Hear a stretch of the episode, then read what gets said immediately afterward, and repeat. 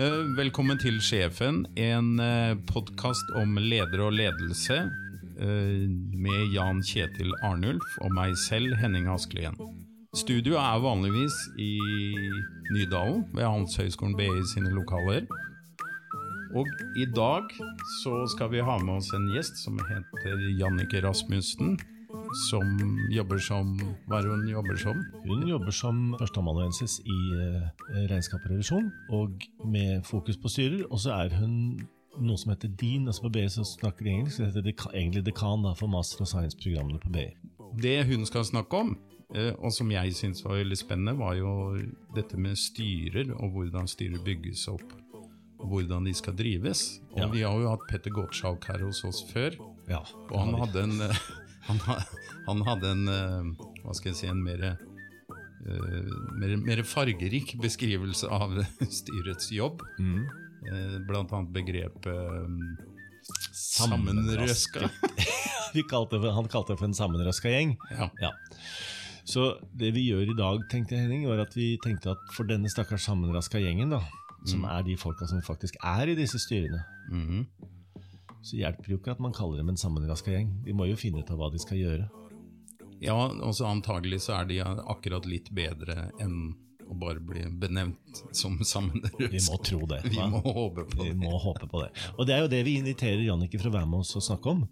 Så, fordi at Hun har jo skrevet og forsket på, på styrer og styreevalueringer. Mm. Så det vi prøver å se litt på i dag, det er jo hva bør de egentlig kunne noe om? Ja.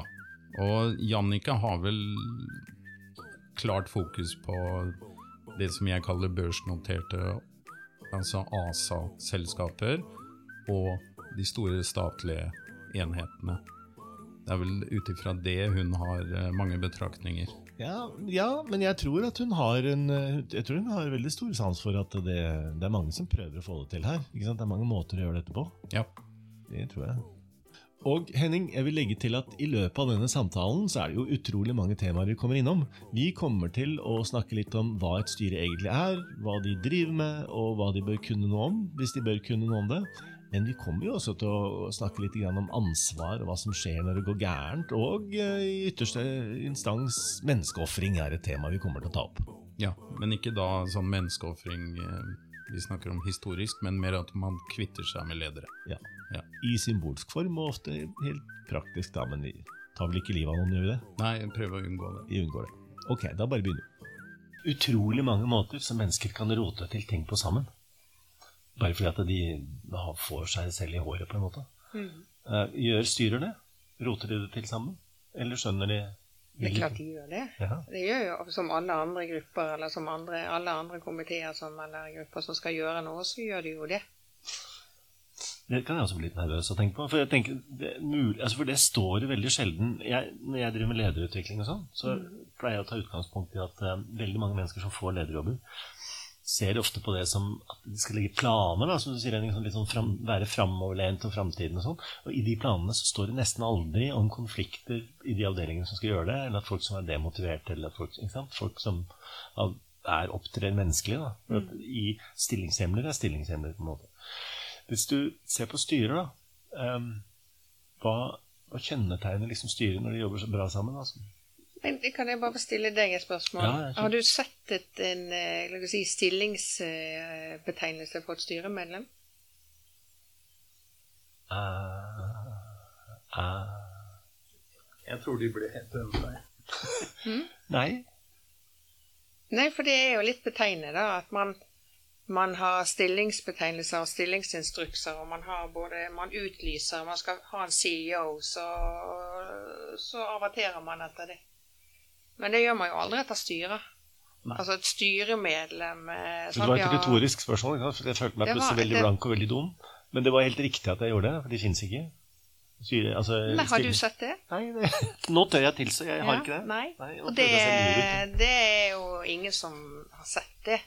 Dette her er bare noe som man som presumptivt og intuitivt skal vite hva er, og man skal vite hvordan, hva man skal gjøre, og man skal forstå hva som ligger i, i eh, være, å være en kontrollfunksjon. Man skal stå, forstå ting som man egentlig sannsynligvis eh, ofte ikke har tenkt over hva det betyr. Men, men, hvis du tar de ulike rollene, da f.eks. Vi skal ha en kontrollfunksjon. Vi må ha noen som har greie på regnskap. ikke sant? Da velger man jo, da finner man en regnskapsfører, revisor. Gjerne en som har gjort det før. ikke sant? Så man, man leter etter en med, en med en CV som ser sånn noenlunde ålreit ut. Og så, trenger man kanskje en som kan bransjen, som kommer fra utersiden. Da leter man jo også etter en som er erfaren, og så, og så plukker man den.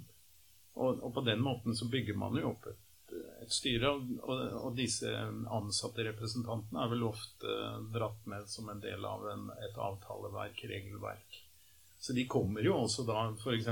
LO deler jo disse Det er jo en del av kampen innad i disse fagforbundene som, da, som resulterer at man ender opp i styret. Og så, og, så, og så, blir det jo, som vår tidligere gjest, at det blir en sånn sammenrøska gjeng.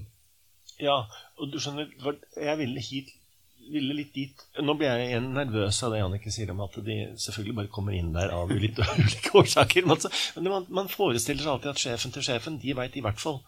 Og så kan du heller snu på og si at sjefen til sjefen har høyst tvilsom kunnskap. Men det, er, det, er, sikkert litt opp og ned med det, da. Men, men um, nå har jeg gjort litt hjemmelekser. Jeg har sett litt på det som du har gjort før.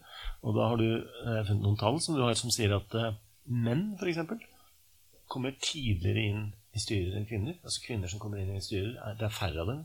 Er, de, kommer, de, er nødt til å være eldre enn menn når de kommer inn. Så menn kommer inn når de er ganske unge og ikke har noe kunnskap. Kvinner for å komme inn i styrer, de er omtrent nødt til å ha doktorgrad for å være der. Mens gutta de kommer inn tidligere, pensjonerer seg seinere og har mindre kunnskap. Ja, ditt, ditt tallet som du refererte til, det er jo eh, Statistisk sentralbyrå som eh, hvert år utgir en sånn, altså lager en oversikt over hvor mange som sitter i styret av de som bor i Norge, og hvor gamle de er, og hvilken utdannelse de har. Og det er jo ganske morsomt å se, da. Mm. Eh, og hvor mange styreverv de har. Eh, og da var det jo i hvert fall eh, det, var, det er Fra 2019 så det da Jeg tror det var, hvis jeg husker feil, eh, ikke husker feil, så var det 20 stykker av de som hadde over 100 styreverv. Og, og 19 av de var menn, selvfølgelig.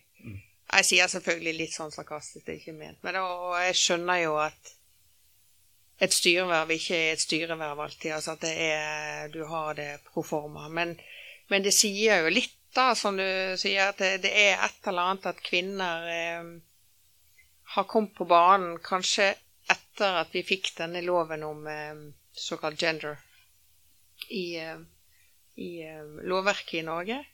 Eh, hvis jeg ikke husker feil, så var det 2003 med en fem eh, års overgangsperiode. Altså innen 2008 så måtte alle være compliant med den eh, loven. Ja, men det er vel bare ASA? Ja, det er bare ASA. Men det, ja. det, er, det har jo på en måte spredd seg litt. Ja. Og det er klart også i statlige selskaper er det jo, selv om ikke det er børsnoterte, men det man ser, er jo at, eh, at, eh, det er blitt mye mer profesjonelt hvordan det å bli utvalgt som styremedlem, da. Tidligere var det jo nesten 'ring en venn' eller en, et eller annet. Såkalt sammenrøska. jo, ja. ja. Mens nå er det sant? Nå er det intervjuer, og det er CV-er, og det sant? Så det er jo positivt eh, på den måten, da, at man man eh, får litt mer profesjonelle styrer. Mm. Så det tror jeg. Men eh, spørsmålet er jo hvor mye bedre må kvinner være for at de skal bli akseptert som eh, et styremedlem? er jo det spørsmålet jeg føler du stiller nå. Ja, for det Spørsmålet mitt er jo på den ene siden selvfølgelig en kommentar på kjønnsbalansen i sånne funksjoner. Mm. Men den andre kommentaren er mer at du kan ofte se ufrivillig. Ja, hvis du ikke um, hvis du bare ikke er dame, så holder det at du egentlig er myndig. Altså, skjønner du? Altså, mm. Det er et eller annet med at du kan se at altså, vektlegging av kompetanse gjelder bare bestemte mennesker. Så det er andre som kommer inn, selv om de er veldig unge og ikke har skaffa seg noe kompetanse. Andre kommer inn selv om de er ganske gamle og kanskje har gått ut på dato. Du veit ikke det. Sånn at eh, bare sett under ett, så er det tydelig at kravet til kompetanse fordeler seg veldig forskjellig. Mm. Kan det være også slik, litt at uh, det å sitte i et styre gjør deg kompetent til å sitte i et annet styre. Altså Idet du begynner å få en CV som fyller seg opp med styreposisjoner, så har du, da har du beveget deg opp i, i riktig divisjon, og da blir du tilbudt andre styreposisjoner, for han har jo tross alt sittet ja, ja, styre, så han, han, kjenner til litt om dette her. Og, og da er jo menn er jo mye raskere til å stifte aksjeselskaper og, og være gründere. Da. Så du får jo en sånn Disse unge mennene, iallfall, de starter jo. Og så har de, så har de kanskje danna sitt eget styre, og så har de fått en CV med litt styre. Så blir de styrer. Ja, så blir de styrearbeidere. Fins det som en rolle? Ja, det er tydeligvis ja, Hvis du har 100 styreverv, så må du være styrearbeider. Da kan du kunne si Ja, det. da, da har du mye å gjøre. Jo, altså, det er jo helt riktig. Du, du sa det jo i sted, eh, Kai, at eh, du sant, dette her og vi, Ja, når vi skal hente Vi skal finne et styre, så finner vi en eller annen erfaring og sånn. Men det du da forutsetter, er jo at um, at alle er like. Altså det, alt det du gjør, er likt. Mm. Eh, og jeg liker nok å tenke litt mer på hva man skal gjøre i fremtiden. Altså at dette her med å, å se bakover er kanskje ikke alltid det riktige. Så at du har kompetanse Altså ha en eller annen funksjonell kompetanse som eh, regnskapsfører eller som revisor eller eh, advokat eller hva det nå er. Det er nå én ting. Men du skal jo bruke denne kompetansen òg. Og det er der ofte vi ser at styret sliter litt. Det er ikke nok å ha kompetanse, du må også bruke den på den riktige måten. Det er jo, det er jo generelt. Hva skal jeg si? Det er jo som å ha besøk av en håndverker. Du kan jo fort gjort ha besøk av håndverk som ikke virker, og det finnes også advokater som ikke virker, og regnskapsførere som ikke Altså som rett og slett ikke gjør jobben sin. Og det Men det, jeg, det som jeg værer her da, som gammel gruppepsykolog, egentlig, det er at det, er, det har en knepp til. For hvis jeg, hvis jeg, hvis jeg ringer etter en rørlegger for å bytte varmtvannsberederen, Ja. så er det det jeg vil ha gjort. Men hvis, jeg, hvis, hvis vi møtes i en gruppe, Ja. Så kan det jo godt være at jeg har invitert folk fordi de har flotte og fine CV-er og flotte og fine bakgrunn, men jeg vil fremfor alt når de kommer hit, at de har harmoni og syns at jeg er en kul fyr. ikke sant? Så jeg har ikke bestilt Det er lettere enn å være rørlegger, vet du.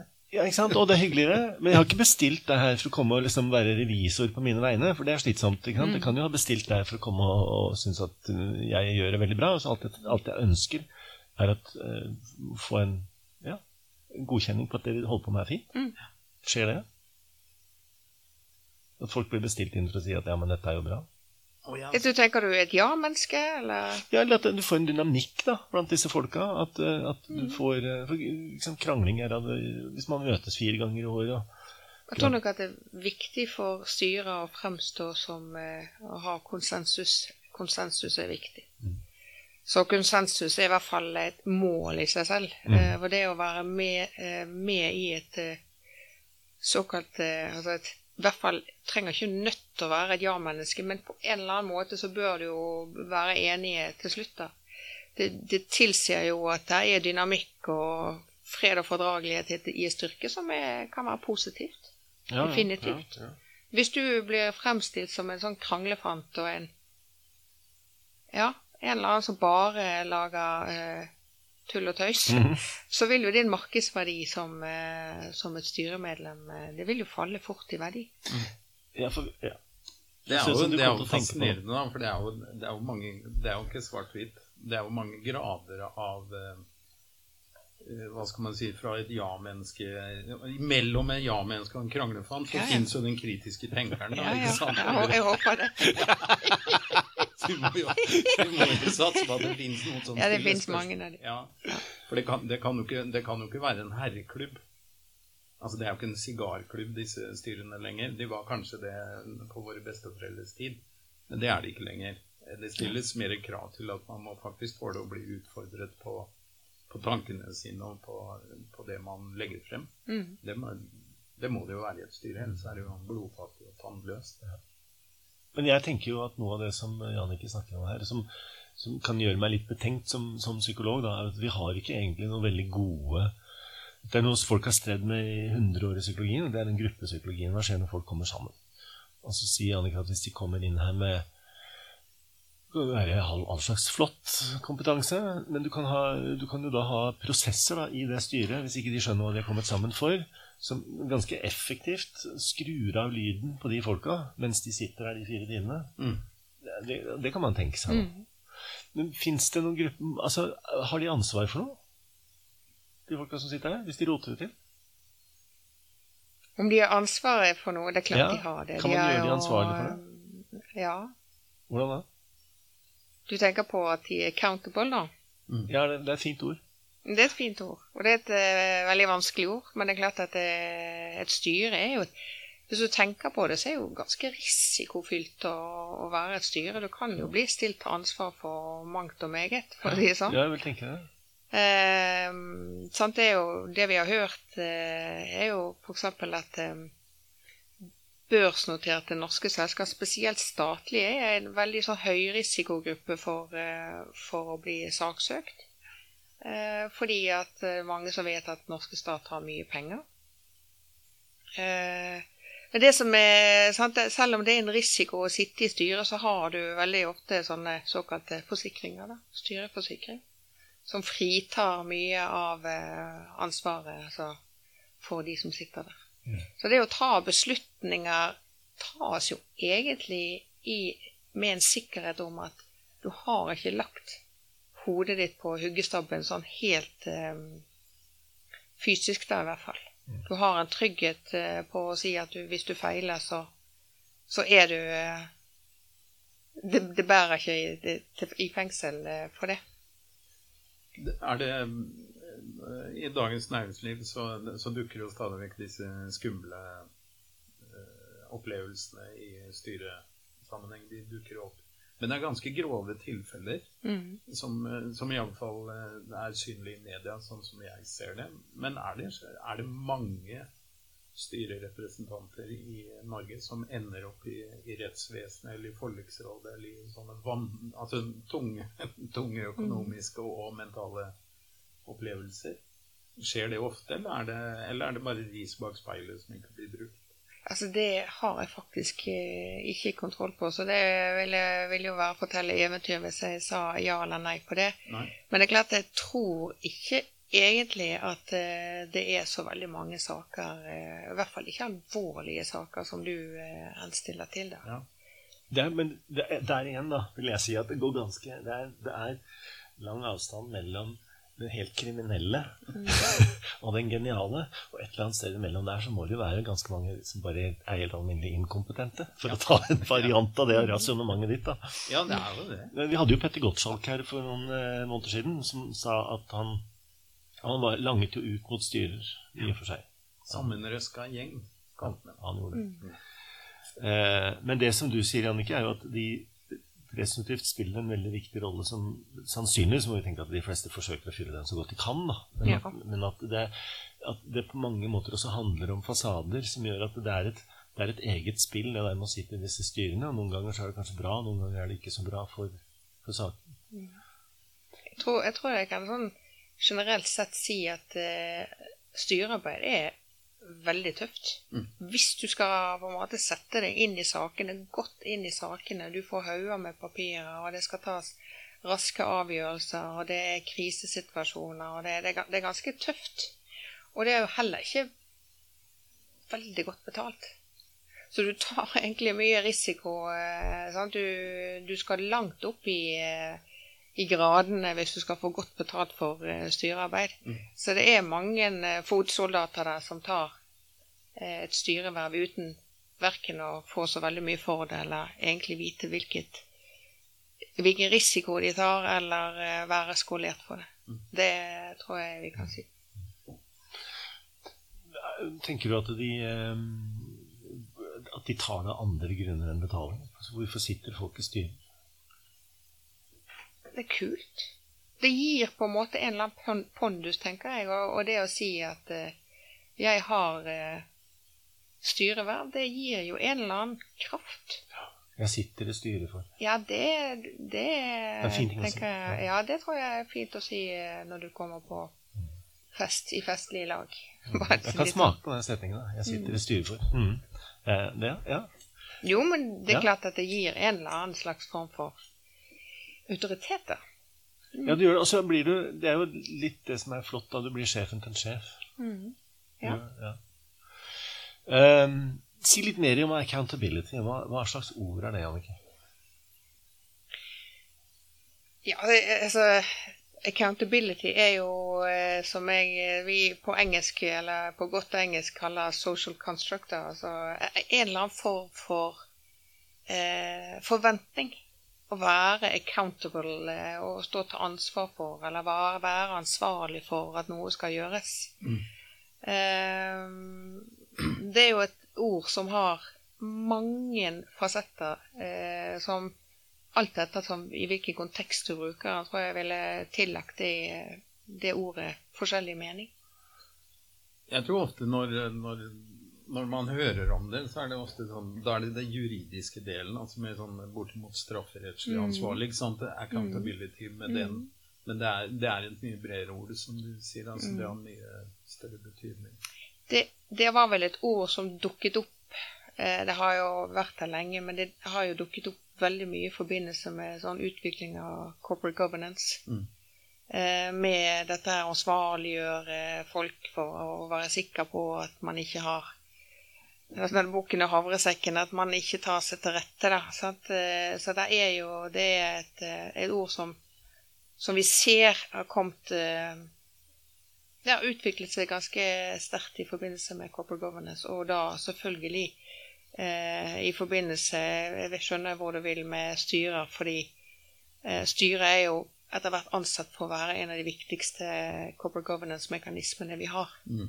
De sitter mellom eh, bedriften og eh, eierne og har en veldig De har en sånn litt sånn insider-funksjon. sant? De, eh, de, de, de har god kontakt med selskapet og god kontakt med eierne og andre stakeholdere. I hvert fall eierne. Ja, de, føler, de føler jo også at de faktisk har rett til å spørre om ting. De kan, ja, plikt, tenker ja, jeg. ikke bare, ikke bare rett, Ja. men også plikt. Men de, Mhm. de har en følelse om at det er det jeg skal gjøre, og det tør jeg å gjøre, ikke sant? Ja. ja, jeg kom bare til å tenke på en historie hvor jeg selv var i en tilsvarende situasjon og ble beskyldt for å være nebbete i en situasjon hvor jeg egentlig hadde plikt til å spørre. ikke det er, ikke, det er lettere sagt enn gjort alltid. Men, Det er mye lettere å gå fram hos en avdelingsleder og si at du, jeg, jeg sitter i styret, så jeg har rett til å se de papirene, enn å si at jeg, jeg har plikt til å se. Det er mye enklere med det. Mm. Jeg har makt. Ja. Igjen. her, hit mere. Ja. Men, men det, med, det der med accountability Jeg har jo hengt meg litt opp i det sjøl. fordi at hvis man skal lære folk å drive med ting, altså skal lære folk lederutvikling altså lære folk ledelse, f.eks., så er det jo sånn som Henning snakka om, at du må jo ta noe risiko. Altså, du kan ikke sitte der og seife. Hvis du skal kikke framover i, i verden, så må du ta risiko. Kan, kan man, altså hva, hva betyr accountability da? Liksom? Hvis du, hvis du veit at vi tok et altså Dette gambler vi på, her, det gikk ikke. ikke sant? Der mista vi arbeidsplasser, eller gikk en konk, eller altså ikke? Det går jo ikke alltid bra. Er det alltid noen som ikke har gjort, noe, gjort jobben sin? Hvis det ikke går bra? Altså, om de, om de ikke har gjort jobben sin, det kan jo være mange grunner til at det ikke gikk bra. Ja. Det trenger jo ikke nødvendigvis være noen som gjorde en dårlig jobb, men eh, noen eh, Det er vel ofte sånn at vi, hvis vi skal utøve eh, accountability, så må vi jo på en måte Noen må svi for det, for å si det litt sånn, eh, litt sånn brutalt. da. Altså det, det viser jo handlekraft hvis, eh, hvis man, man fikk det ikke til, og så gjorde man noe som, som da tilsynelatende kan hjelpe. Mm. Der, Det er handlekraft å legge ned en bedrift også, som ikke har livets rett. ikke sant? Så det er jo den, andre, den siste enden av skalaen. Ja, det er for så vidt. Ja, det er klart det er det. Men også hvis det går gærent Jeg, jeg blir ganske ofte, da, fordi at jeg driver med lederutvikling, så blir jeg ganske ofte ringt opp eh, av journalister som ringer til BI og spør om noen som kan noe om dette. Og veldig ofte er det spørsmålet de kommer Når må den gå? Altså de, har, de kommer opp med en, en ja, situasjon fra mediene, så spør de når må, når må den lederen gå. Når må lederen gå? Oi, oi, oi. det Er det accountability? Stille det spørsmålet. For det er det jeg har sagt at hvis eh, Det problemet som jeg viser til lenger bak der, det er at det, det, disse styremedlemmene de har jo én ting felles som de kan ha eller ikke ha, og det er tillit til daglig leder. Mm. Det de ikke kan risikere, er å krangle seg imellom om de liker den eller ikke. Eller liker henne. Mm. Nei, det må de ha tillit. Hvis ikke de har tillit, så, så Da går det ikke. Hva er det for noe? Nei, Det er jo, tenker jeg, eh, en eller annen felles forståelse av eh, hvor man skal. Kan det være en felles følelse? må det være en forståelse? Nei, det kan nok være en uh, følelse som er sant? Det, det, er klart det kan det, men en eller annen man oppfatter at man tror at man har en felles uh, forståelse. Da, ja, ja. Sant? Det tror jeg er viktig. Kan du, for den, den, som jeg tror av og til skjer, er at det er jo fordi at det du peker på er at Hvis noen har gjort noe opplagt gærent, så har de gjort noe gærent. Da er jo, dette burde vært kontrollert, det burde vært korrigert. Men noen, noen ganger så går det galt mm. uten at noen egentlig har gjort noe gærent. Mm.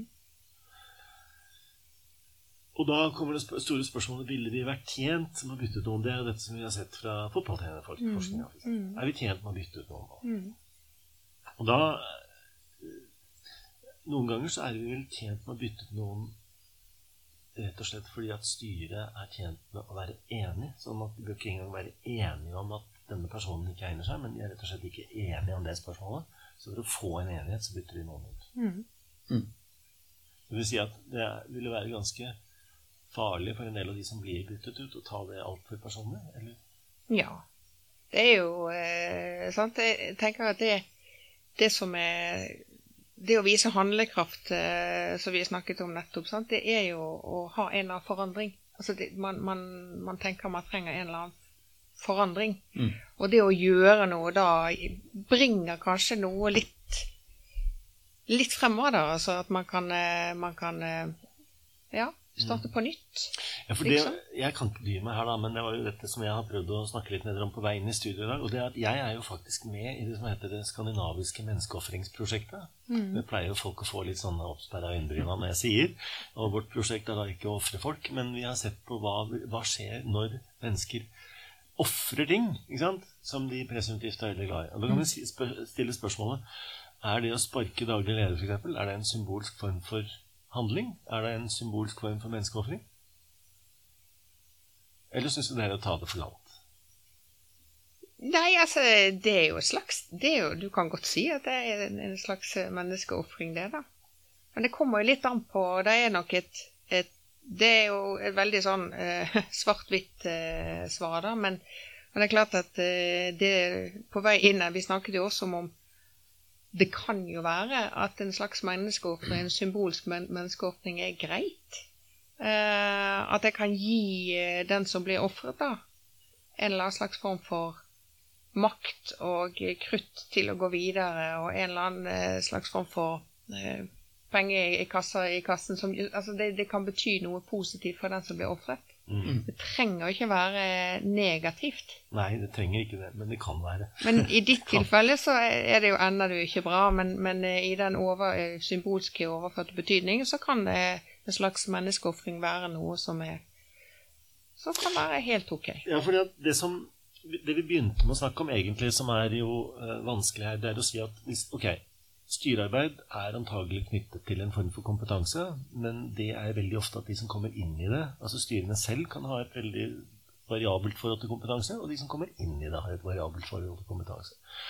Og Det betyr at noen av de prosessene som foregår i sånne styrer, ikke nødvendigvis er veldig i den forstand instrumentelle. De kan være symbolske. Mm. Det gjør noe med tilliten til folk. Mm.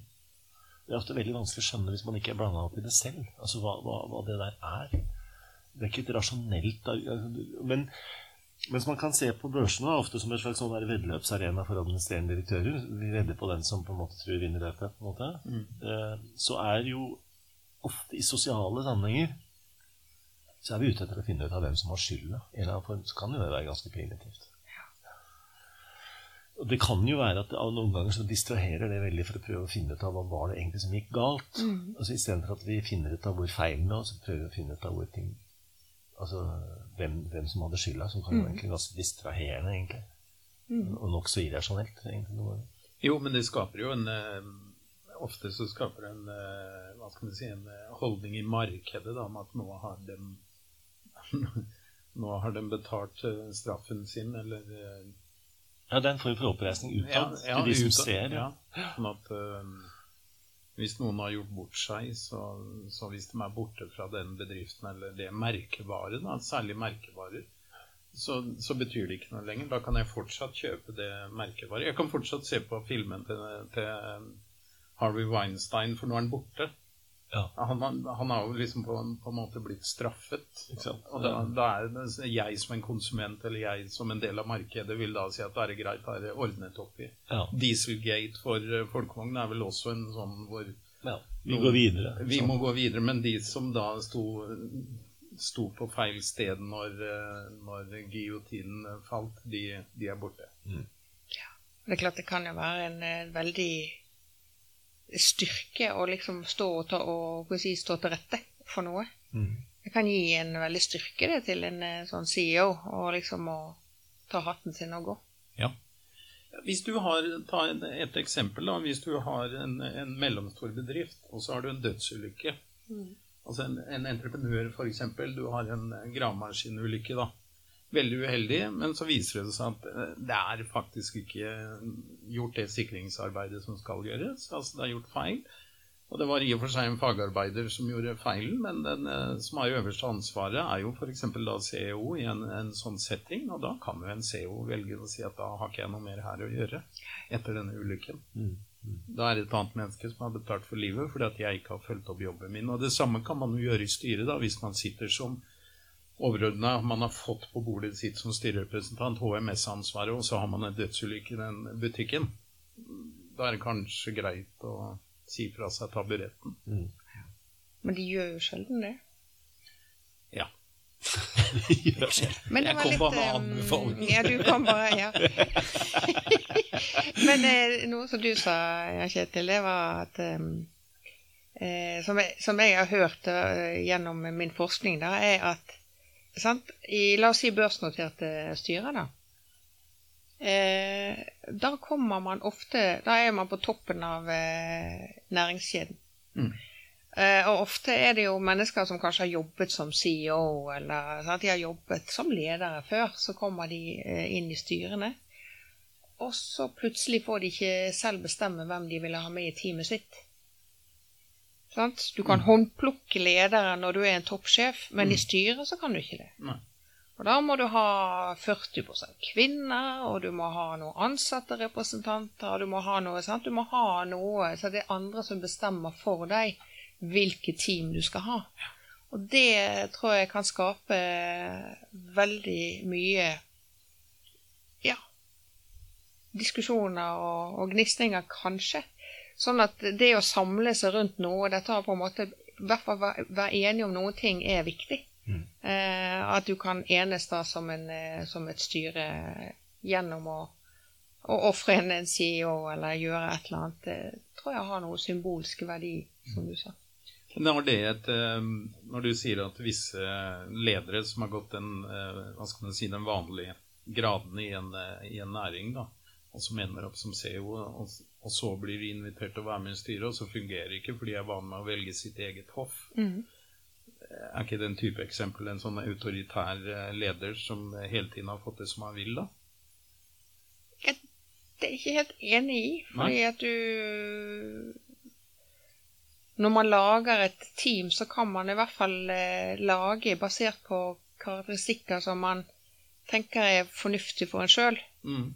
Eh, kanskje man vil ha ja-mennesker, eller man vil ha Men i hvert fall så er det et valg man gjør. Ja. Men nå er det andre som gjør valget for deg, og det tror jeg ikke nødvendigvis er bare positivt. Nei.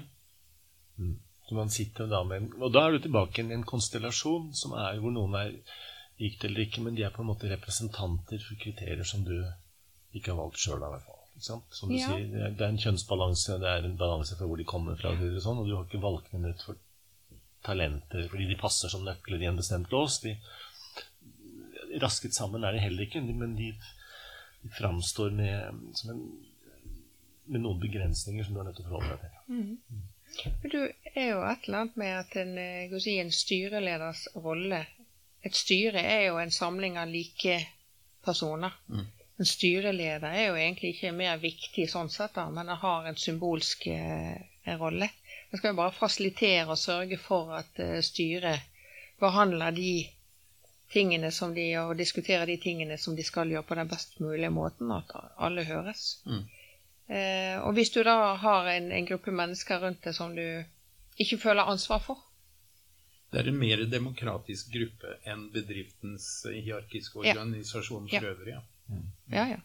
Mm. Mm. Men da er du også litt mer fri til å tenke stille sin 'fuck you', liksom. Fordi at du har Det er jeg tenker, et potensial for, for konflikt, da, eller for, for, for, for dannelse av sånne kan kalle det for sånne fault lines. Altså du får sånne folk som ikke finner ut av det hverandre, og jobber bare med å holde Ja. de andre i sjakk. Liksom. Ja.